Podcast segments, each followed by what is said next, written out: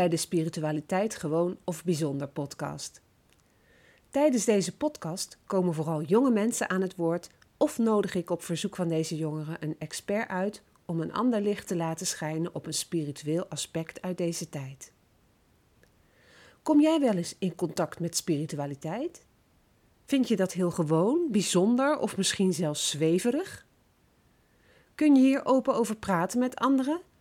Of is het een gespreksonderwerp voor een selecte persoon of groep in jouw omgeving? In de Spiritualiteit Gewoon of Bijzonder podcast komen jonge mensen aan het woord die in hun dagelijkse leven in contact zijn of komen met spiritualiteit in de breedste zin van het woord. Zij kunnen bijvoorbeeld leven in een droom, de wereld anders waarnemen of hoogsensitief zijn. Ze komen blokkades tegen en kunnen er moeilijk over communiceren.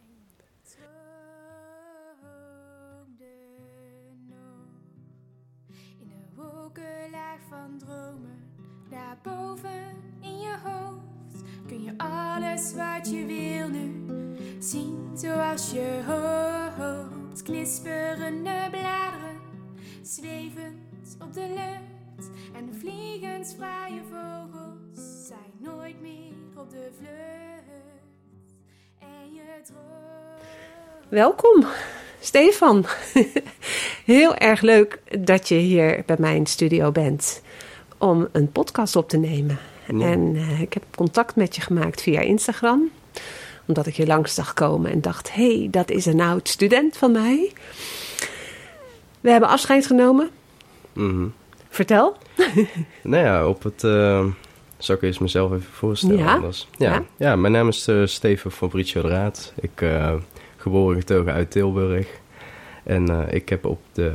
Toen ik 17 was, heb ik gestudeerd op de modeopleiding Mode en Maatkleding bij Jolanda. Mhm. Zoals mijn SLP'er. Ja, En op het moment dat ik 18 werd, ehm, ben ik per direct eigenlijk gaan stoppen. eh, om aan eigenlijk mijn carrière te werken.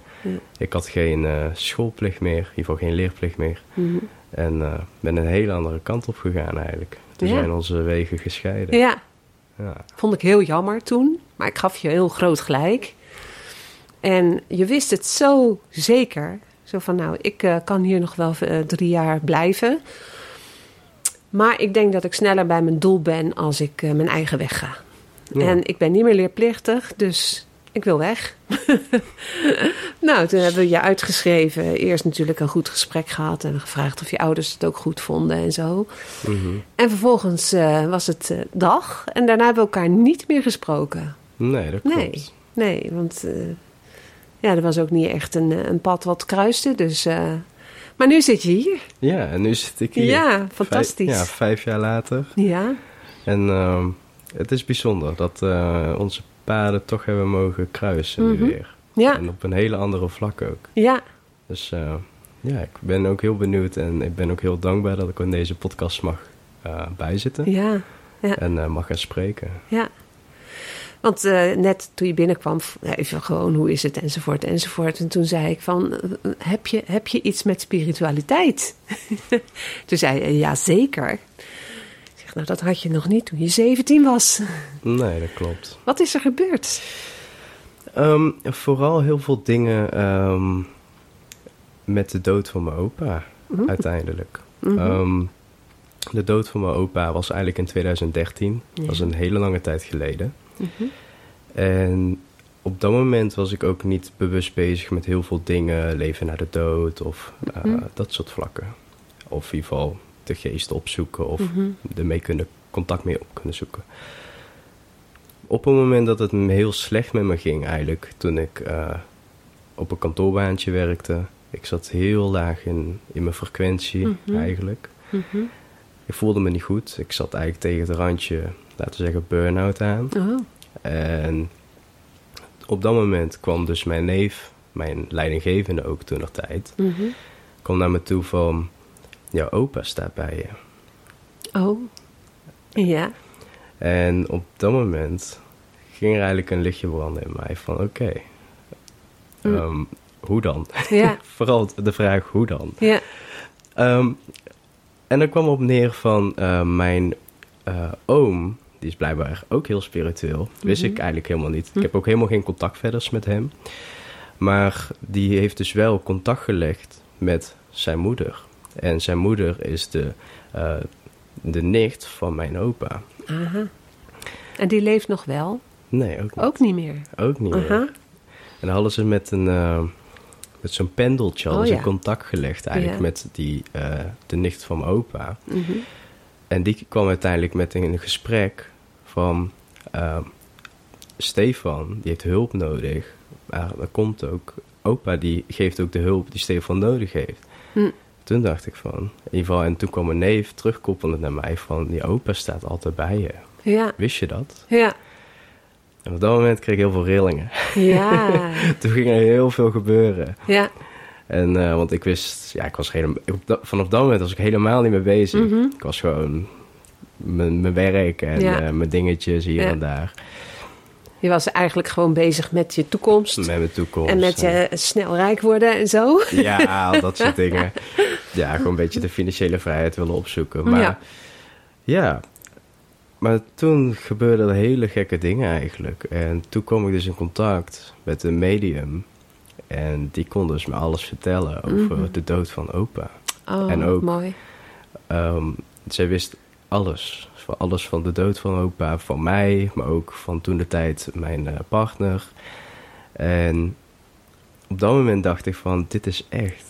Want het- Weird? Dit is weird. Zeg maar, dat kan, daar weet, er zijn dingen die zeg maar niemand weet. En Mhm. jij vertelt mij dat gewoon. Ja. Toen dacht ik van, hoe dan? En hoe kwam je in contact met die vrouw? Was het een vrouw? Ehm, ja, was het een vrouw, ja. Ja? ja. dit was ehm, de medium van mijn neef. Mhm. Ehm, in ieder geval, hij had was een, een keertje naartoe gegaan, ook dus voor de overlijden van eh, die nicht, zij van de moeder van mijn oom. Ehm, maar ja, dus eigenlijk via mijn neef. En die zei van, hier heb je een nummertje, mocht je een keer nodig hebben, gewoon een keer appen en dan kun je er gewoon langskomen. Ja, En gewoon even praten, weet je, en laat het allemaal op je afkomen. En Ja. ik wist helemaal niet dat het echt een medium was, of wat ze kon, of wat ze deed. Mhm. Maar ik dacht wel van, ik zit al heel laag in een putje en... ja. Dus je hebt niet Ik- lang gewacht. Ik heb niet heel lang gewacht, Hm. want ehm, ik had wel hulp nodig in die zin. Ja. Dus zij kon me eigenlijk een soort van eh, verlossen. Uiteindelijk eh, clean, eh, ging ze ook mijn chakras cleanen. Mhm. En op dat moment, wanneer ze na het vertellen van een heel verhaal... ze had ook een heel brief geschreven over mij als persoon... wie en wat ik ben en alles. Mhm. En ja, die ben ik helaas ben ik die kwijtgeraakt. Ja, Maar maar die komt wel weer in je handen. Alleen op een moment het niet kiest, Mhm. maar dat die gewoon er moet zijn vanwege Precies. de energie. Precies. En, ehm, maar na het vertellen van heel het verhaal ging ik op een stoel zitten en ging ze mijn chakras cleanen. En ik was zo op. Zeg maar, heel mijn energie was helemaal uitgezogen. Zeg maar, Mhm. alle, alle eh, de chakras die op dat moment dicht waren, ik weet niet exact meer welke dat was. Daar trok ze zoveel energie uit. En op het moment dat ik klaar was, nou, dan zeggen we gedag. En dan ging ik Mhm. in de auto zitten. En ik kon niet meer rijden. Ik dacht van, Nee. ik ga de komende even half uur even gewoon niet meer Ja. rijden. Ik Ja. was op. Ik was exhausted gewoon. Ja. En toen dacht ik wel van, het is, er is meer dan wat wij hier op aarde zeg maar kunnen zien, Mhm. kunnen voelen. En dat wakkerde heel veel dingen bij me aan eigenlijk. Ja, Het was een begin, het was een van, begin. van een enorme verandering. Ja, eigenlijk wel, ja. Ja. ja. Want je doet eh, zo, eh, als je het hebt over die chakra's, eh, doe je bij je hart. Ik weet niet welke er dicht zaten, maar dat was degene waar de grootste pijn zat. Die zat het meeste dicht. En eh, dan krijg je natuurlijk op een gegeven moment dat als daar eh, een opening in gemaakt wordt, dat het voelt alsof je helemaal bloot bent en kaal en, en, en kwetsbaar. Ja. Maar ja, was wel nodig schijnbaar. Het was zeker nodig. maar ja, op dat moment ging het dus eh, op zoek naar meer. Ja. Wat, wat is er, wat, wat bestaat er nog meer, zeg maar. Mhm. En ehm, nou ja, na een verloop van tijd, nou ja, toen was ik geheeld in die zin. Dus ik kon weer verder werken. Ben al van banen nog gewisseld. En toen kwam ik uiteindelijk weer terug bij dat oude kantoorbaantje weer. Oh, zeg ja. maar. Want ze riepen mij terug, was coronatijd, ze hadden me nodig. Mhm. We geven je vast contract, goede salaris. En dit. Ik zei, nou, oké, dan kom ik al terug dan. Ja, ja. Maar toen landde ik weer in hetzelfde schuitje. Ja, Dat was En een op- test. Dat was een test. In ieder geval, dat, daar lijkt het dus wel op. En in de tussentijd heb ik altijd het gevoel gehad van... opa is daar altijd voor mij geweest. Dus hij is mijn guider in die Mhm. zin. En ik heb hem ook vaak in schimmen dingen gezien dat een beetje onwerkelijk was. Om, nou, op het moment dat het weer slecht ging, toen ik weer bij mijn oude werkgever aankwam. Ehm, ik was ook heel veel bezig. Nou, ja, ik, had, ik had dat kantoorbaantje. Ik, had ook nog, ik was ook tatoeïst voor 2,5 jaar. Oh, dat deed ik ook nog daarnaast. Zeg maar. Dus ik, had- ik had sowieso al heel veel druk op mezelf gelegd. Mhm. En heel weinig tijd voor mezelf. Geval om aan mezelf te werken, even te kunnen stilzitten. Ja. Mensen moesten heel veel dingen voor mij. Maar als ik dan weer in zo'n schuitje was, dan kon ik weer niks. Kon ik niet werken, Nee. kon ik niet tatoeëren, kon ik niet mezelf zijn. Hm. Dus wat had ik gedaan? Weer die medium gecontacteerd. Ja. Van. En op dat moment gebeurde ook iets heel raars. Ehm, er was, eh, ik had een eigen woning in eh, Tilburg Centrum. En ik had daar een kat. Ik had daar mijn adoptiekindje, zeg Mhm. Ja. maar. Dat is echt een baby van ja. mij. Ja. En op, de- op dat moment, eh, de dag voordat ik naar de medium ging, toen zat ze op een plek waar ze nog nooit heeft. En dat was ook een hoge plek, daar was ze nog nooit geweest. Mhm. Ik dacht van, Wat doe jij daar? wat doe jij daar? Ja. Maar toen begon ze in één keer in de lucht te krabben, alsof ze iets zag. Een bepa- Ja. Ze voelde iets van, ik wil naar je toe komen, maar Ja. ik kan niet. Ze, maar Nee. ze stond al op een hoge plek, ze wou er naartoe. Maar, Hm. En ik had een plafond van vier meter hoog of zo. Oh. Dus het was, het was daar echt hoog in de lucht. Ja. Maar ik zag niks. Ik dacht van, hè? Ik zei, Chita, wat doe je nou? Weet je wel? En, Hm. Dus dat was er al. En toen, mijn neef, ik had... eh, mijn, mijn neef was toen de tijd echt al, ik weet niet, maanden al eh, weg van dat bedrijf ook. En die stuurde me in één keer een, een WhatsApp berichtje. Alles Mhm. komt goed. Ja. Opa is bij jou. ja. En ik heb hem, ik weet niet, maanden niet gesproken. Maar juist op dat moment... En op dat moment, een dag Ja. voor de medium, een Oh, dag ik wanneer, helemaal kippenvel van. wanneer ik me slecht voelde, stuurt hij weer zoiets. Mm. En toen dacht ik van, verdomme. Ja, mooi toch? Ja, ja Een ook heel... enorme verbinding. Ja, ja, zeker, dat wel. Maar het was aan de andere kant ook weer heel eng of zo. Ja. Zeg maar, ik was niet zo dichtbij met dit soort dingen. Hm. Maar ik wist wel van, mijn, mijn guider, opa, die is er wel weer. Die, Ja. die roept weer van, je moet even weer even naar die medium toe. Want die kan mij vertellen zeg maar, wat, ik, wat je nodig hebt. Ja, En dan kun je weer door. dus jouw eh, communicatiemiddel. ja, zeg maar voor hem ook. Ja, Ja. een soort tussenpersoon. Ja. En eh, nou ja, dan ben ik weer naar de medium gegaan. Weer gereset. En dan kan ik weer verder. Hm. En zodoende gaat het verder. Nou, en dan heb ik de pad uiteindelijk verder bewandeld nog met, nou, ja, met stenen. Ieder geval, Daar kreeg ik ook heel veel interesse in, Mhm. uiteindelijk. Ehm, en dat komt ook door mijn ex-partner, mijn laatste ex-partner uiteindelijk. Mhm. Daar kom ik zo meteen ook nog even op Mhm. terug. Maar met stenen ben ik een beetje meer in gaan eh eh, bewandelen. Maar ook meer denken over wat, wat is er nog qua frequenties, energieën.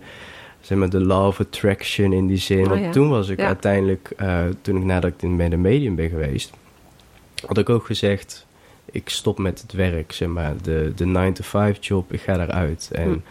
Toen ging ik dus samen met mijn broer een business starten. In ieder geval, Mhm. hij was al gestart, maar ik kwam erbij aansluiten. Wat je eigenlijk al wilde toen je 18 was. Ja. Samen met je, met je broer, herinner ik me. Ja. Eigenlijk wel, ja, Ja. eigenlijk wel, Ja. ja. ja. En uiteindelijk zijn we samen die kant op gegaan met nou, ondernemen in die zin. Maar bij ondernemen komt het ondernemersstukje zie ik een topsport van zelfontwikkeling, zeg maar. Ja, dus ja. je, moet, je moet lekker sportief zijn, maar ook eh, veel lezen. En ook vooral ook op het stukje spiritualiteit focussen. Want uiteindelijk lees je boeken van Think and Grow Rich en al dat, dat soort dingen. Mhm. En dan uit focus uiteindelijk ook veel op of attraction en manifestaties. Ja. Want waarop je focust, dat kun je ook naar daar je zit toe brengen. energie. Daar zit Ja. energie. En ook met de wilskracht die je erachter kan zetten. Ja. Alles is mogelijk in deze wereld, Mhm. als je er ook maar in gelooft. ja, precies. En geloof is ook iets heel belangrijks. En dus daarin ging ik me ook veel meer in verdiepen. En uiteindelijk heeft zich heel veel dingen uitgespeeld. Zeg maar, ik heb een, een hele mooie tijd, bewijs van, van succes gehad in die zin. Mhm. En ondernemen in... Ben naar Dubai geëmigreerd. En, Echt? Ja, ik ben nou alweer terug hoor. Maar, Nou, ik had, ik had inderdaad wel ook iets gezien met een hele mooie sportwagen. En eh, dat, Ja. dat, dat hoort daar allemaal bij, bij die eh, wereld. ja, bij Dubai-wereld wel, zeg maar. Het is... ehm, bij de Dubai-wereld eh, zijn dat de medailles in die zin. Mhm, Ehm, je kijkt naar wat kun je allemaal hebben natuurlijk. mhm. Maar dat is op dat moment. En nu Ja. ben ik meer op een hele andere fase van het materialisme. Ja, Dat boeit me eigenlijk helemaal nee, niet precies. Dat boeit me Dat eigenlijk hoef je helemaal helemaal niet te niet. Dat hebben. hoef ik helemaal niet te hebben voor mijn geluk. Dat is maar buiten, buitenkant, hè? Ja, dat is een buitenkant. En hoe heb je, even een zijspoor, hoe heb je dan Dubai weten te bereiken? Met- Met de onderneming die je Met de had? met, je, onderneming, broer- met ja. je broer. En wat, wat ondernam je dan? Eh, wij, eh, eigenlijk hadden we een soort webshops en daar verkochten we eigenlijk van alles rond Europa eigenlijk. Mhm. Ja, Dus, eh, Europese zaken. ja Europese zaken Hm. eigenlijk, ja. En dat ging heel goed. Dat ging echt ontzettend goed. Mhm. En daar zijn dingen... waar- Uiteindelijk hadden we bijvoorbeeld ehm, meer dan een jaar salaris omgezet dan in een dag. En dat ging hard. En dat, dat zijn dan die momenten dat je denkt... wat zou ik dan nog op een kantoortje van 9 to 5 eh, doen? hè? Nou ja, precies dat. Ja. dus mijn broer had in die zin mij daar ook met, met die zin ook eruit getrokken van...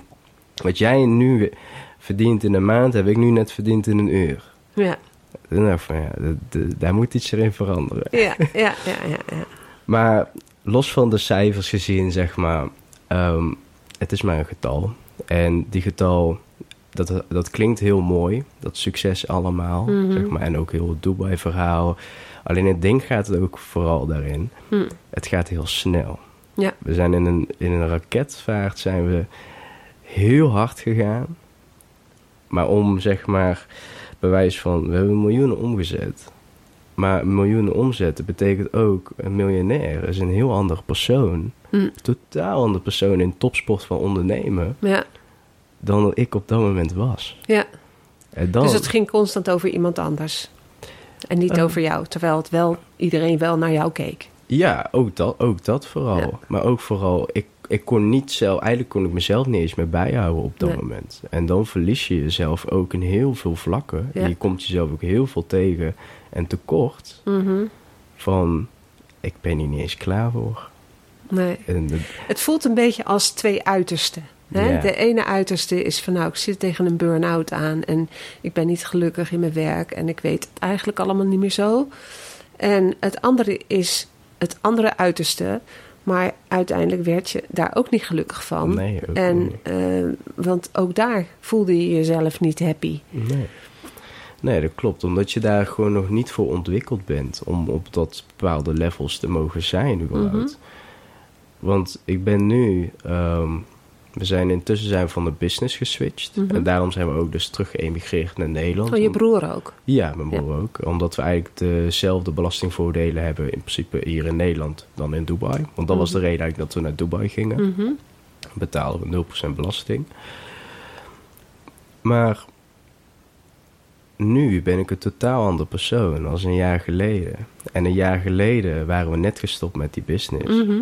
Dus ik denk als ik nog steeds met die business doorgaan, was het, dan zou het waarschijnlijk wel verder kunnen gaan en zo goed. Mhm. In plaats van dat ik toen nog zeg maar, zo'n kleine guppy was. Natuurlijk ben ik heel ontwikkeld in zeg maar, het stukje ondernemen toen de tijd. Maar als ik me vergelijk met een jaar geleden en nu alleen Mhm. al, dat is een totaal ander persoon. Ja. Je bent als persoon ontwikkeld Ja. en niet meer als ondernemer. ja, ik ben inderdaad als persoon ontwikkeld vooral. Ja. En dat is ook een stukje wat eh, met mijn werk, ook huidige werk, nu te maken heeft. Het is een vooral psychologische werk ook. Mm. Ik werk op de aandelenmarkt. Dus het is een. Het, je werkt psychologisch heel anders op heel veel vlakken dan wat ik voorheen deed. Vertel, ik vind dat wel interessant. Ehm, Het is voor mij een hele compleet onbekende materie. Dus eh, nou ja, dus ehm, vooral op de werk wat wij nu doen, moet je aan de ene kant moet je de emoties compleet uitzetten. En dat is moeilijk als mens. en als, gevoelens, als als- gevoelsmens. je als gevoelsmens ook, om compleet de emoties uit te zetten. We hebben ehm, in de afgelopen jaar zijn we dus nu bezig met eigenlijk een nieuw business. Mhm. En dat is dan traden, daytraden, swingtraden, eh werken op de aandelenmarkt, de valutamarkt. Dan heb je tegenwoordig de crypto. Dat is misschien, dat kent Mhm. iedereen natuurlijk wel. Ja. Ehm, maar dat is waar we ja, momenteel gewoon op werken. En in de laatste maanden zijn we pas geld gaan verdienen. En de afgelopen drie kwart jaar hebben we alleen maar geld verloren. Of nou, geïnvesteerd of verloren. Mhm. Met de buffer die we ooit hadden gemaakt zeg maar, van de jaren daarvoor. Met ondernemen. Maar toen kwam dus heel veel psychologie bij kijken. En vooral, want je, je ziet jezelf ook weer leeglopen. Mhm. Want we zijn van een heel groot succes, zijn we eigenlijk weer naar een business switch bij nul begonnen. Maar dan loopt er alleen maar geld leeg. Ja. En dan voel je na drie kwart jaar, dan ga je jezelf twijfelen. Ja. Of in ieder geval na een half jaar eigenlijk al. Ja. Dan sta je een half, eerste half jaar sta je er positief in. Ah, het gaat lukken, gaat lukken, gaat lukken, gaat lukken. Ja. En na die half jaar, als het nog steeds heel veel geld is weggegaan, Mhm. dan denk je, dan ga je weer twijfelen. En, dan, en je mag niet werken met emoties. En Nee. als je gaat twijfelen, word je onzeker. En Ja. dan word je, word je angstig. En dan kun je veel meer fouten maken. Je bent niet meer alert. Hm. Dus het wordt dan een soort van neerwaartse spiraal. En tot de dag toe zijn af en toe, hebben ik en mijn broer nog steeds gesprekken van... Ja, eh, onze bepaalde onzekerheden die je daarin moet ontwikkelen Mhm. om je werk te kunnen doen. En, maar dat, is, dat heeft dus te maken ook met ja, het stukje zelfontwikkeling, ook spiritueel gebied, bewustwording. Mhm. Om zeg maar gewoon even dat uit te kunnen zetten en gewoon, het komt gewoon goed. Ja. Want we, hebben echt, we zijn echt slim jongens, we hebben de kennis hebben we al. Mhm. Maar we moeten gewoon goed analyseren en goede keuzes maken. Maar met wat we in het nu, vooral in het nu, kunnen doen. Ja. Want we denken altijd, toen de tijd ook, maar af en toe ook, als je hoog in emoties zit, wat je dus niet mag tijdens werk, ga je denken van, als ik deze zet, oh, dan heb ik straks heel veel rust. Ja. Of dan, dan, kan ik, oh, dan, dan kan ik dit of kan ik dat. Of, Mhm. Maar dan denk je inderdaad, Hou je focus weg, hè? haal je focus, terwijl we in het nu moeten zijn. Ja. Dus er komt heel veel psychologie bij kijken bij Ja. het werk wat ik nu doe. En dat vind ik heel interessant, maar is Ja. ook heel moeilijk. Ja. Maar dat En maakt als het, ik- eh, En als ik tegen jou zeg, geld is energie. dat geloof ik. En dat, eh, dat heb ik ook gemerkt. Want ik zie die parallel zo mooi. Je zei op een gegeven moment van nou, ik zag het geld allemaal weglopen. Het, het, het liep leeg. Mhm. Maar tegelijkertijd zei ik voelde dat mijn, mijn energie weer wegging. Mhm. Dus ook jouw chakra's, die werden weer, eh, zeg maar, beproefd. En eh, ja, In die zin, ja. eigenlijk dus de derde keer dan. Ja. Twee keer, twee keer Ja, bij, eh, bij het bedrijf dat opa heeft ingegrepen. En dit is dan de derde keer. Ik ben benieuwd of opa ook hierbij is geweest. Dat weet ik niet. Ik ben laatst wel bij de medium geweest. Mhm. Maar ze heeft me daar niks over kunnen vertellen. Ik weet wel dat eh, mijn broer is, heeft wel een guide nu van opa. In ieder geval, ik weet niet of hij er nu momenteel had, maar in de afgelopen jaar zeker ja. Mhm. Die is ook een keer langs geweest. En heeft het ook gewoon gevoeld van dat opa er wel is. Ja, Ja, ja, bijzonder hè? ja, ja dat is heel bijzonder. Ja. Ja, Maar, ehm, maar wat was maar ik? ik heb je onderbroken. Sorry, sorry. Nee, dat maakt niet uit. nee, dat maakt niet uit. Ehm, waar was ik? Eh, ja, maar en dat, dat geld, ja, ik vind, ik, eh, dat is ook altijd wat mijn broer zegt. Geld is energie. Op het moment dat er heel veel binnenkomt, dan, voel je de mannetje en dan voel je, ja. eh, kan je met de borst vooruit de dag inlopen. Als, het uit, als het alleen maar leeg loopt, dat is een Mhm. heel ander verhaal. Ja, En dan dat, moet je het doen met datgene wat je werkelijk bent. ja, ja, inderdaad. En dan moet je jezelf heel sterk maken, mentaal. Hm. Van, het komt ook allemaal alles goed. Ja, Dat is ook altijd wat mijn opa altijd zei. ja. Alles komt altijd Alles, goed. alles komt altijd goed. Ja. Ja, ja. daar, daar geloof ik ook wel in. Ja. Dan kun je het nog over hebben wat dan goed is. Hè? Want dat wordt er ook door iedereen weer anders opgepakt. Dat klopt. Nou, maar ik denk... Tuurlijk vind ik ook niet altijd alles goed wat gebeurt in mijn leven. En ik weet dat ik in de afgelopen jaren ben ik een heel moeilijk mens geweest. Zeg maar ook voor mijn partner. Toen Mhm. inderdaad. Ik heb een, eh, ben nu twee, twee, drie weken geleden... ehm, heb ik mijn relatie stopgezet. Mhm. Ehm, zodat ik eigenlijk aan mezelf kan werken. Want ik was mezelf verloren. Oh. Heel erg. En eigenlijk ook door dat werk, Ja. na een half jaar, voel je jezelf leeglopen. Dan gaan dingen minder. En dan, het enige wat je dus kan doen, is focussen op werk. Werk, Ja. werk, werk, werk. Kom thuis, ook werk, werk, werk, werk. Ja. Maar ik had een relatie ook nog. En mijn vriendin sliep ook elke dag gewoon bij mij thuis. Mhm. Dus ze woonden gewoon eigenlijk gewoon samen. Maar ja, dan... Dat kost heel veel energie, nog Mm. ook aan de zijkant, om een relatie te kunnen onderhouden. En zeg maar in die zin blij te doen of gelukkig te zijn, Mhm. als het aan de andere kant super slecht gaat. Ja. En, zijn En kon je daar met haar over praten? Ehm, ik vond het heel moeilijk om over mijn gevoelens te praten, vooral. Omdat ik me ook een soort van schaamde in die zin. Ehm, terwijl ik nu denk van, hey, moet je eigenlijk helemaal nergens over schamen. maar daar ben ik zeg maar afgelopen weekend ook veel van bewust geworden. Ja. Ehm komen we zo op terug. Nee, maak me nieuwsgierig. maar ja, ik, ehm, ik was vooral heel erg mezelf verloren in die zin. Hm. En ik kon niet meer leuk doen, ik kon niet meer leuk zijn. Ik, ik, was, ik kon niet meer van mezelf houden, ik had mezelf niet meer lief. Mm. Ik, gewoon, ik was gewoon negatief, in een negatieve spiraal. Ja. Maar uiteindelijk, je kunt niet houden van iemand anders als je niet eens meer van jezelf Nee. houdt. Begint En- bij jezelf, ja. ja, en ik was mezelf zo ver verloren dat al die dingen die, ze, die ik wou geven, ik wist wat ik wou, wat ik moest geven in een relatie, maar ik kon het niet meer. Mm. Want ik kon het mezelf niet eens meer geven. Dus in feite zat je hartchakra weer dicht. Ja, en dat is ook wat mijn medium dus de laatste keer vertelde. Mijn hart staat compleet dicht. Ja. Ik kon niks meer. Ik had geen emoties, helemaal niks meer. Hm. Dus het was voor de werk, was praktisch goed. Maar, maar voor mijn leven, voor mijn eigen geluk, niet. Totaal niet. Nee. En dus ik ben naar die medium dus ook weer gegaan. In die zin van, ja, ik, ik voel niks meer. Ik, als mijn vriendin staat te janken of, of ik kon niet janken zeggen huilen, Mhm. verdrietig is. Dan doet het mij letterlijk niks. Nee. En dat is ook niet menselijk, Hm. zeg maar. Weet je, ik- het is mijn partner, daar hou ik van. Maar het doet me niks. Hm.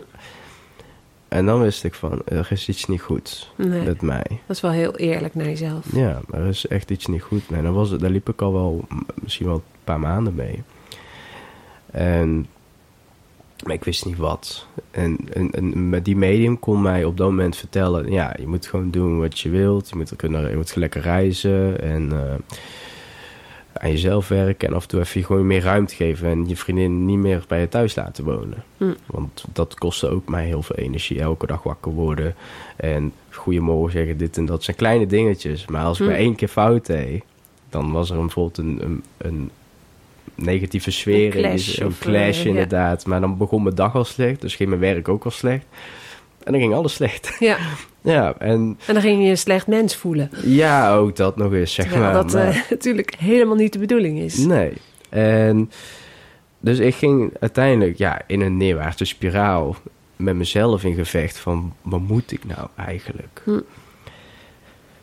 Maar toen werden heel veel dingen duidelijk. Ehm, ik ben naar de medium geweest, maar die heeft me alleen maar kunnen vertellen op dat gevoel. Ze hebben me ook wel mijn chakras geclean, maar dat deed me niet zo heel veel. Mhm. Het zat zo dicht. Het zat echt zo dicht. Ja. En uiteindelijk na heel veel nadenken, heel veel gesprekken ook alsnog wel gehad met eh, mijn ex-partner over mijn gevoelens, wat ik ook moeilijk vond. Mhm. Want mijn hart was dicht. ja.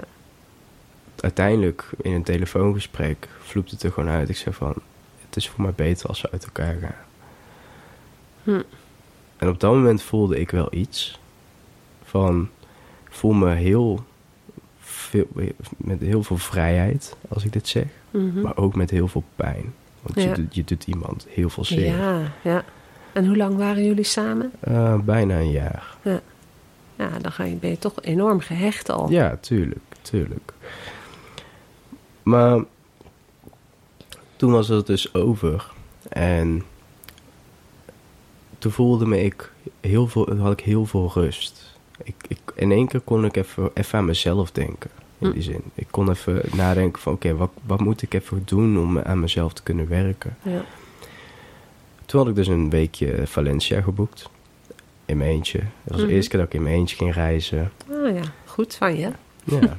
en eh, even mezelf vinden. Gewoon even lekker wandelen in mijn eentje. Oortjes in. En ik was dat een eerste keer ook in een hostel. Dus ook heel veel leuke mensen ontmoet. Nieuwe Hm. vrienden gemaakt.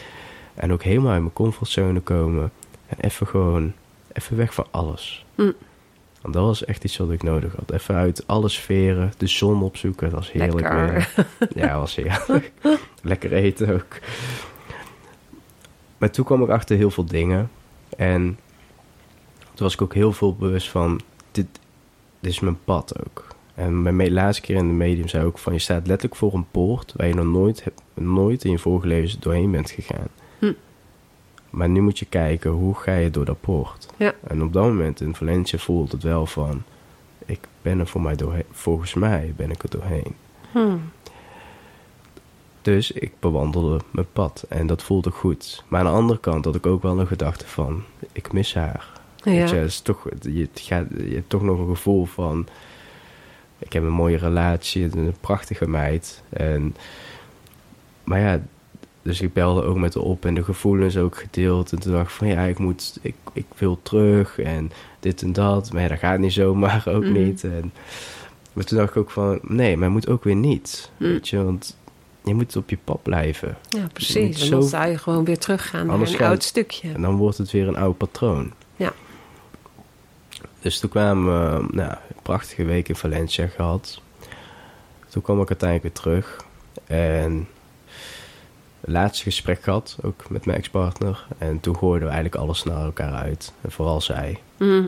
wat ik voor slecht persoon ben geweest en alles. En terecht, Heb je het ontvangen? ik heb het ontvangen. Hm, mooi. Ja. Want En- het is allemaal natuurlijk emotie, gevoel, Mhm, ego. zeker. Wat ja. er allemaal eh, samenkomt. Maar dat is Mhm. nodig om op te ruimen. Ik moet ook eh, af en toe mezelf in de spiegel kunnen aankijken. En ook de realiteit mogen aanvoelen van... Ja, ik ben inderdaad even... Ben ik niet een goed mens geweest. Ik, ik, ik, had je, ik, ik kon je niet meer geven uiteindelijk. Die, echt, die dingen die je echt nodig had in een relatie. En ik ben er nooit voor je geweest in die zin daarvoor. Maar toen was ik daarvan bewust. En precies dat weekend, dus eigenlijk afgelopen weekend... ehm, ben ik dus naar een ayahuasca-sessie gegaan. Oh jee, oh jee, wat mooi. ja.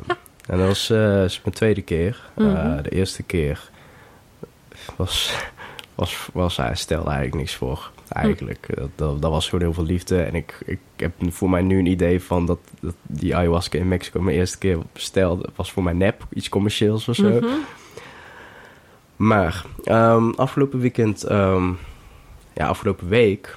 Oké, nou, ik moet even vanaf het begin even beginnen. Afgelopen week. ehm, eh, nou, er zijn heel veel dingen gebeurd. Dus ik ben terug van Valencia. Ik kwam in Nederland. Ik moest gelijk huilen. Ik dacht, dit weer. Ik zag het regenen. Ik dacht Mhm. van, pff, Ja, ik moet terug. Ik wil ik heb ook weer dan het gevoel van, ja, dan ben ik weer in mijn oude huisje. En dan confrontatie met alles, weet je wel, mijn relaties over. Want op, in Valencia dacht ik er eigenlijk op één dag echt aan. Maar de rest van de dagen was ik gewoon echt daar. Echt, ik was in Valencia. ja. En maar toen, toen clashten in één keer heel veel dingen bij elkaar. Uiteindelijk ook zeg maar een beste vriendin verloren. Ehm, Mhm. Want ja, ineens ben ik een bad guy. En, maar dat mag, ieder zijn mening. En ik Hm. vind dat ook allemaal goed, weet je. Iedereen moet naar zijn gevoel luisteren. Mhm. Maar dat kwam er ook nog bij. Relatiebreuk. Dat ik eh, de, even de confrontatie met... Oh, ik ben weer in Nederland. ja, En dat ik nog steeds aan mezelf moest werken. ja. Dus er waren heel veel dingen. En dat kreeg ik uiteindelijk op maandag of dinsdag vorige week. Zei ik nog tegen mijn broer: Ik heb zoveel stress. Ik voel zoveel pressure. Hm. En de afgelopen, die van de dagen daarna, tot vrijdag, ben ik super ziek geweest. Mhm. Echt niet normaal. Dus ik kreeg dus ook dat wat ik nu op mijn neus heb. Was me nog niet opgevallen, maar Ah, zie ik nu ook. nou ja, als ik dus zeg maar heel veel stress heb, dan komt er in één keer heel veel energie blijkbaar op mijn neus. Mhm. Ik weet niet waarom, maar dan komt daar in één keer een uitslag. Ja. Nou dus heel ziek geweest afgelopen week. En ik had dus dat weekend ook een ayahuasca-sessie gepland. En dat had ik gepland ook in Valencia. Mhm. Van, dan, als ik terug in Nederland ben, dan wil ik een ayahuasca-sessie doen. En Ja. dat deed ik samen met mijn beste vriend. Hm. Nou, vol spanning, een soort van ook nog wel. Hè. Dan eh, afgelopen zaterdag was dat. Zaterdag naar zondag. Dus stapte ik dus die ayahuasca-sessie in, de ceremonie. We gingen, was in een heel mooi hutje, zeg maar een hutje-achtig eh, gebouwtje. Mhm. En er waren al mensen die al een, een nachtje hadden gedaan. En wij, in ieder geval, ik en mijn beste vriend kwamen nog aansluiten. Ja. En ik dacht van ja, ik heb nu wel echt heel veel dingen te verwerken ten Mhm. opzichte van die, de eerste keer. Ik, was, ik had mijn intenties en zo allemaal opgeschreven. Ik had ook een documentaire gezien over die afgelopen week. Maar toen zei ze ook van ja, intentie opschrijven is leuk. Maar ayahuasca die pakt je meteen bij de kern. Ja. Direct, zeg Ja. maar. Nou ja, dus ehm, we zijn daar eh, met die mensen gaan praten die er al waren, een beetje gaan gegeten. En toen was het acht uur. Toen begonnen we met rapé. Ik weet niet of je er bekend mee bent. Ik heb het nog nooit gedaan. Oké. Nee. Dat is een soort eh tabakspoeder eh, met as van een boom. Dat blazen ze eigenlijk in je neus. En dan kom je direct, echt instant, in een meditated state. Hm. Je kunt daar niks mee denken. Dat is heel raar. Alsof je zeg maar echt even een kwartier lang gemediteerd hebt. Ja. Dat, dat gevoel wat je achteraf hebt, dat direct in instant. En we zaten uiteindelijk, hadden we gingen van acht tot negen. Gingen we gewoon even zonder geluid, even gewoon met z'n allen in een stille kamer. In het donker was het toen ook. Mhm. Even mediteren. Nog voordat we met een leeg hoofd even de ceremonie ingestappen. Ja, ik dacht, ik heb voor mij helemaal geen ayahuasca meer nodig. Want ik heb zoveel nagedacht in, dit, in het afgelopen uurtje. Maar ja, toen begon het dus. En toen begon de spanning zeg maar wel bij me bovenop te komen van... Oké, voor mij ga ik nu iets ervaren wat ik nog nooit heb ervaren. Mhm. Ehm, en ik heb veel dingen te verwerken. Dus ik, ik, ja, ik moet wel. Dus ik laat me op me afkomen. Je zei, ik wil. Ja. en eh, nou ja, het is niet lekker. Smaakt naar water en zand. Mhm. Maar ja, dan uiteindelijk heb je zo'n zo'n shotje genomen. En dan ga je liggen weer. Dan ga je in, gewoon in stilte. Mhm. En de stilte wordt uiteindelijk, lijkt alsof je dagen in zo'n zo'n hutje zit. Het wordt steeds langer. Op het begin, eerst half uur is het gewoon nog niks. Dan, Mhm. dan wacht je gewoon rustig af, mediteer je een beetje nog. Maar uiteindelijk voel je van, oké, nu komen in één keer best wel aparte gedachten. Gewoon, en Mhm. ik van, oké, daar denk ik niet zomaar in een nuchtere staat over na. Dus het komt, begint te komen. Maar toen, toen klapte hij heel hard binnen. En toen kwam ik achter dingen van het universum. Wat ook weer, wat heel bijzonder is. Maar wat ook weer terugkomt met alles wat mijn medium of alle zeg maar, spirituele mensen mij ooit hebben verteld. Mm. Ehm, laat ik eens vertellen wat die spirituele mensen altijd naar mij hadden verteld. Was altijd, ze zien een krijger, ze zien een strijder, ze zien een ridder, ze zien een bepaalde samurai persoon in mij. Mhm. Iemand die vecht, iemand die vecht Een naar, vechter, ja. Vecht voor de vrijheid, vecht voor, Mhm. zeg maar, rechtvaardigheid in die zin, zeg maar. Maar toen in de ayahuasca, enigste wat ik meemaakte, de hele tijd in de stiltes, want in de eerste er zijn drie eh, fases. En de fase Mhm. 1 is gewoon pure stilte. Het duurt ongeveer iets van twee uur, zei hij. Maar die stilte is op een gegeven moment zo eng, zo naar, het duurt lang. Mhm. En uiteindelijk voelde ik heel mijn lichaam trekken, spannen. En uiteindelijk komen de gedachten ook allemaal binnen. Maar toen kwamen dus heel veel dingen van wat mij mensen, mensen mij ooit allemaal hebben verteld. kwamen in één Mhm. keer ook allemaal naar, naar voren van... Het, het is inderdaad echt wat ze allemaal tegen mij vertelden. Van de strijder of de krijger. Continu. Ehm, het begon eigenlijk met dat ik zag mijn twee demonen. Ehm, dat is ook wat mijn ex-partner dus ook tegen mij zei. Van je, hebt, je draagt echt demonen met je mee. Mhm. Die jou zeg maar niet meer laten voelen. Maar Die, ervoor zorgt dat je hart elke keer dicht gaat zitten. Ja. Ja. En dus wat ik in mijn ayahuasca dus meekreeg, was... Ik zag eerst twee demonen en die, die trokken mij gewoon naar beneden in de put. En die, die lachten mij goed toe en die vertelden van probeer er maar uit te komen. Mhm. Gaat je toch niet lukken. Zwak, zwakkeling. Mhm. Maar uiteindelijk begon dus het hele verhaal met... Uiteindelijk werd ik continu werd ik wakker. Uiteindelijk wist ik ook niet eens meer dat ik Stefan heette. Dat ik als persoon hier nog een leven had. Maar ik was alleen maar in andermans levens. In ieder geval in mijn vorige levens. En continu zat ik in een oorlog. Continu Mhm. werd, ging, had ik een doodervaring. Verloor ik in een gevecht, op een slagveld of in een, iets. Hm. En dan zag ik weer het licht. En dan had ik weer een volgende fase. Ik heb de oertijd gezien, ik heb de Romeinse tijd, de, de Grieken, Mhm. de Egyptische, alle tijden heb ik meegemaakt. Mhm. Maar continu een doodervaring. En wat ik dus heel te voelde was zeg maar op het moment dat je, wat men dan vertelde, op het moment dat je doodgaat, dan zie je je leven voorbij gaan. Ja. En dan het gevoel van spijt en zo en al dat soort dingen. Waar mensen zeg maar spijt van hebben gehad dat ze iets niet hebben gedaan. Of dingen waarvan ze echt hebben geleerd. Dan komen in één keer bij met een ritslag van erbij. Mhm. Die ervaringen kreeg ik dus ook allemaal mee uit de ayahuasca. Dus wat ik Mm. meekreeg uit mijn vorige levens was dus de momenten waar zij spijt op hebben gehad. Of waar ze dus juist van geleerd hebben. Ja, En continu. heftig hoor. En dat, dat, was, ja, dat was heel heftig. En ik heb, ehm, ik heb nog nooit zoveel pijn gehad mentaal in mijn leven op, dan op dat moment. Hm. Ehm, fysiek wist ik niet meer, omdat ik niet meer wist of ik echt kon voelen of zo, zeg maar. Ik wist wel dat ik heel veel spanning had in mijn spieren, dat wel. Maar continu pijn van andere mensen, van mijn vorige levens, van spijt. Of de pijn op dat moment van de slagveld. Maar de Mm. pijn ook van verlaten, van verdriet, van de nabestaanden en alles. Ja. Dus de eerste fase was niet nice. Nee, Dat was alleen maar lijden. ja, Maar dat was wel, was wel nodig natuurlijk. dat was wel nodig. Hm. En in de tweede fase van de ceremonie gingen we naar een tweede shotje.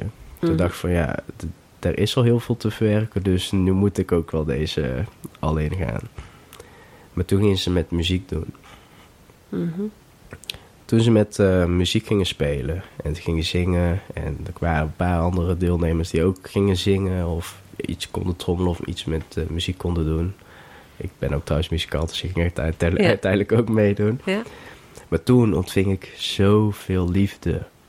En toen, zou, toen ontmoette ik zeg maar van al die vorige levens, mijn andere families, kinderen, Ja. mijn vrouwen. En dat was zoveel liefde. Maar ze, op een gegeven moment, ze, ze stoppen dan weer met de muziek. En dan val je weer in een oorlog. En uiteindelijk moet je zelf de hele tijd weer uitklimmen. En dan weer muziek met heel veel Mhm. liefde. En dan weer oh, continu. Dus dan zat er pijn, liefde, pijn, liefde. Maar ik haalde er wel zoveel lessen en voldoening en Mhm. wijsheden uit, uiteindelijk. En uiteindelijk in de fase 3 gingen we alleen maar muziek maken. En dat, was- ja, dat was prachtig. Hm. En één moment ging ik... eh, nou, dus één moment ging ik dus naar buiten toe. Ging ik even naar de sterren kijken, want het was een prachtige sterrenhemel. Mhm. Toen dacht ik van, er is zoveel, zoveel op de wereld waar we eigenlijk als mens zijn eigenlijk niet vanaf weten. Hm. Vorige levens Ja. heb ik mogen ervaren. De sterren, het universum, de atomen die we allemaal om ons heen draaien, Hm. vliegen. Je zag gewoon de andere dimensie. Ja, Die wij met onze normale ogen niet kunnen zien. mhm. precies dat. Ja. En dat stukje, dat, dat vind ik in de laatste, laatste maanden vind ik dat heel interessant. Het universum zelf, zeg maar. Wat, wat is er eigenlijk allemaal mogelijk? Wat, Mhm. wat- waar zitten we überhaupt allemaal in? Ja. Maar ja, toen, toen ik bui- op dat moment buiten stond met de sessie, toen dacht ik van, waar maken we ons druk om? Mhm. En toen wist ik ook wel van, ik ben zo gelukkig eigenlijk met het minste. Mhm. Zeg maar het hele aspect van wat ik ooit had met het succes en moet allemaal show-off en dit en Ja. dat. dat. Dat doet er mij niet meer toe in mijn leven. Eigenlijk helemaal nul. Mhm. Dat, dat is mijn geluk ook helemaal niet. Nee, het is ook een, een soort parallel. Hè? Je hebt je verhaal verteld over je baan en je, je, je succes, maar ook dat je weer terugging. En de, dus die, die diepe dalen, hoge, hoge bergen, die heb je in die ayahu- ayahuasca ook ervaren. Mhm. eh, met betrekking tot vorige levens. ja. Dus in feite speelt zich jouw karma gewoon elke keer weer opnieuw af in een leven in een net andere vorm die aangepast is aan deze tijd. ja. En nu op, ben je op het punt gekomen, juist doordat je de gelegenheid hebt gekregen om deel te nemen aan zo'n ceremonie, dat je kan kijken, op een andere manier kan kijken naar het leven en naar wat nou ja, belangrijk is of wat onbelangrijk is voor mijn part. En we zitten natuurlijk nu wel in een tijd waarin die transformatie en die sluiers die, die wij als mensen allemaal hebben meegekregen toen we gingen incarneren in dit leven, ehm, waardoor die sluiers langzamerhand wegtrekken. En daarom boeit me jouw verhaal hartstikke, omdat ja, ik herken het allemaal. Ik heb die ceremonie niet ge- gedaan. Mhm. Ik heb nog wel zo van, dat zal ik eigenlijk misschien wel eens een keertje willen doen. Maar eigenlijk ben ik er ook hartstikke bang voor, dus dan doe ik het dan niet, weet je. ja, het is niet niks. Nee, nee. En als ik jouw verhaal dan zo hoor, denk ik, nou, heftig. Ik weet niet of ik dat wel zou durven, Ieders verhaal is persoonlijk. maar dat terzijde. Hè. Ja. Dus eh, als het op mijn pad komt, dan eh, maak ik dan de keuze en niet nu al. Want waarom zou ik dat nu doen? Is ook wat ik tegen iedereen zeg. Het komt vanzelf op je pad als, het no- als het nodig is. Ja, Ja. dus je bent eh, wedergeboren, ja, ik voel me ja, herboren. ja, herboren. Ja, gereset. En de intentie, zeg maar, was eh, vooral dat ik mezelf weer kon voelen. Hm. Als mens, mijn hart, mijn ziel. En dat ik meer vanuit passie kan leven en vanuit mijn hart kan leven. Dan dat ik alles vanuit mijn kopie doe. Ja, Ja. Dat is wat ik heel lang gedaan heb. ja maar dat krijgen we aangeleerd, hè? Van Ja. jongs af aan. Ja, dat klopt. En kennis is macht, denkt men. Maar wij weten al lang dat dat achterhaald is. Dus in die zin, join the club. Ja. Kijk, ik noem het het oude denken en het nieuwe denken. En je kunt alleen maar nieuwe dingen denken als je de oude, eh, ja, de kennis of de oude ervaringen tot je hebt genomen. Dus, en, vroeger zei ze door schade en schande word je wijs en zo, maar ja, zo zie ik het dan niet. Ik denk dan van nou, alle goede dingen die nemen we mee naar de toekomst en de rest eh, nemen we voor kennisgeving aan. Zo van nou, dat is geweest nieuwe dingen, een nieuwe manier van leven met een open hart. Want jij voelt je hart weer. Ja. Eindelijk. Ja, ja. ja. En daar heb je heel veel voor moeten doen. heb ik heel veel voor moeten lijden. Ja. En ook veel in die zin moeten sacrificen. Mhm. Maar uiteindelijk, net als zoals mijn opa het zegt, alles komt goed. Ja. Dat, Ja. dat zeker. Jij zei, ik geloof. Heb je nog een bepaalde godsdienst eh, waarvan je zegt van nou, daar, dat spreekt me heel erg aan? Ehm, nee. Ehm, ja, ik ben, ik ben gedoopt en alles. Ehm, Mhm. Ik heb me wel eens willen verdiepen in de Bijbel. Maar het trok me ook niet, zeg Mm. maar. Ik, ik weet wel dat... Mijn medium zei dat ook een keer. En ik, ik dacht precies hetzelfde. Ik zei het ook af en toe wel eens een keer tegen mensen van... Ik ben mijn eigen God. Mhm. Zeg maar, wat ik van verhalen uit de Bijbel krijg, of vanuit nou, boeddhisme is geen geloof, in ieder geval geen geloof, maar of, Mhm. of van de, uit het eh, Koran of iets of zo. Al die kleine dingetjes, de lessen die ik daaruit kan nemen, of gewoon überhaupt uit het leven waar ik op het aarde, waar ik nu ook gewoon Mhm. op sta, daar kan ik ook mijn eigen God in maken. Ja, Iets het goddelijke in jezelf naar boven laten komen. Ja, Want ik ben ervan overtuigd, en nou ga ik even mijn, mijn eh, idee zeggen, en dan hoef je helemaal niet, niet te geloven, mag jij tegen ingaan, dat we allemaal komen van dezelfde bron. En dat kan je God noemen. En we zijn allemaal verbonden met die bron. Dat geloof ik. En eh, op het moment dat je dus je gaat afscheiden door een bepaald iets te gaan vereren of volgen, dan dwaal je af van de bron. Mhm. En ehm, dat is dan nodig natuurlijk, want anders doe je dat niet. Nee, dat klopt. Dus ik vind het mooi dat je zegt, ik ben mijn eigen God. Want dat is die verbinding met de bron. Ja. Ja. Dus het is een heel, een heel mooi verhaal. En, en ook maakt het daar, daarmee jouw hele verhaal rond. Hè? Je ging de wereld in om fortuin te maken. Je dacht dat dat belangrijk was. Nou, je hebt een diepe dal gehad. En je hebt een hoge piek gehad. Waarin je dat fortuin ook hebt gezien. En jij kan zeggen wat het je heeft opgeleverd. Iemand die alleen maar droomt van een fortuin. Die kan dat nooit zeggen, want die blijft dromen. Nee, dat klopt. En jij hebt er toch voor gekozen om niet met dat fortuin te gaan leven. Ja. Nou, dat is interessant. En zeker als jonge mensen deze podcast horen, dan zullen ze denken van nou, hè, als ik toch zoveel geld had en ik woonde in Dubai en ik reed in de sportwagen en eh, nou dan heb ik toch alles bereikt wat ik zou willen bereiken. Nou ja, dat kan je dus kan je gaan testen als je jong bent en je wil dat bereiken. Maar jij vertelt ons dat het voor jou niet heeft gewerkt. Nee, Nee. zeker niet. Nee. Heb je jezelf weer teruggevonden? Ja, Ja. gelukkig wel. Ga je ooit jezelf nog weggeven? Nee, dat, eh, dat, dat, ik, ik heb wel een bepaalde angst in die zin van, ehm, ik hoop niet dat ik mijn bewustzijn verlies.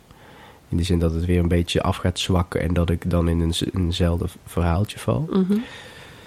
Maar dat is voor mij nu de kunst, omdat ik nu heel, heel bewust van ben van wat ik echt wil. Mhm. En ik heb er zeg maar ook alles voor opgegeven.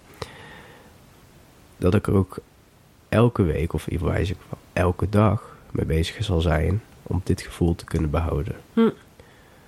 En bewustzijn verlies je niet. Dat heb je. Dat klopt. Of je moet een klap voor je kop krijgen. met je hoofd tegen een paal lopen of zo. Waardoor je hersenen... eh, maar ja, bewustzijn zijn ook geen hersenen.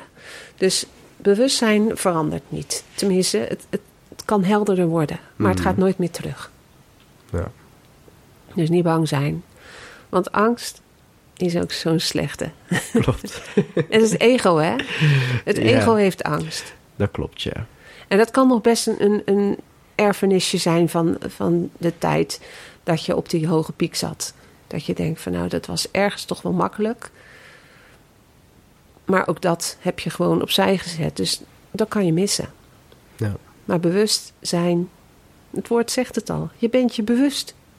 Dan ga je het niet meer weggeven. ja. Heb je een vraag daarover? Want we hadden afgesproken Oeh. dat we de kaarten zouden raadplegen. Op En zouden kijken welke kaart jou nog iets zou kunnen vertellen in deze. Mijn vraag voor eh, de tarotkaart. Ja, Mm. Dat is een hele goeie. Ehm, mag hem van alles vragen? mag van alles vragen. Mag van alles vragen. Er is een bepaalde, ja, er is een bepaalde vraag. ehm, ja, ja, is dat een vraag? Ja, ik vind het wel een vraag. Ehm, ik, ik, ik heb mezelf altijd geaccepteerd in dat ik van ik toen was. Mhm. Ehm, dat ik zei tegen mezelf: ik weet, als ik alleen zou eindigen in mijn leven, zou ik het accepteren. Omdat ik weet dat ik een best wel moeilijk persoon ben. Mhm. In heel veel vlakken ook, zeg maar, in positieve zin.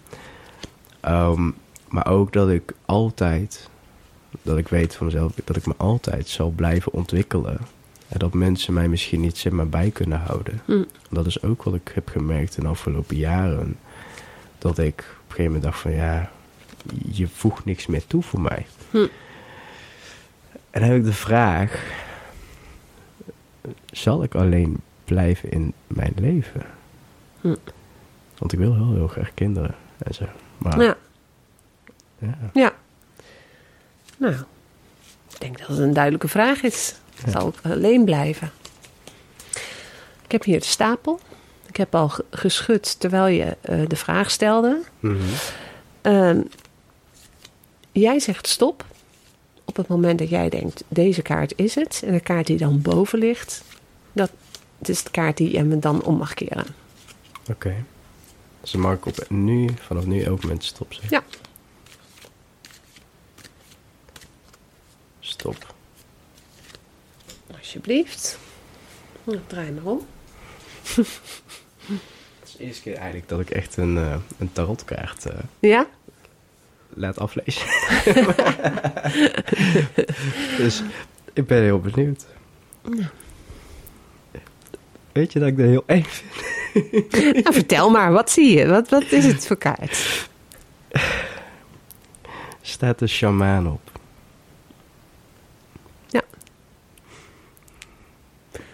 Nou, wat zegt de shamaan jou? Ja, ik heb nou contact met mijn shamaan. Hm. Ook. Ik ga er binnenkort ook mee een hapje eten. Ja. Dus je hebt contact met je shamanen broeder. Ja, ik denk het wel. Want deze kaart geeft aan dat jij verbonden bent met de shamaan in jezelf.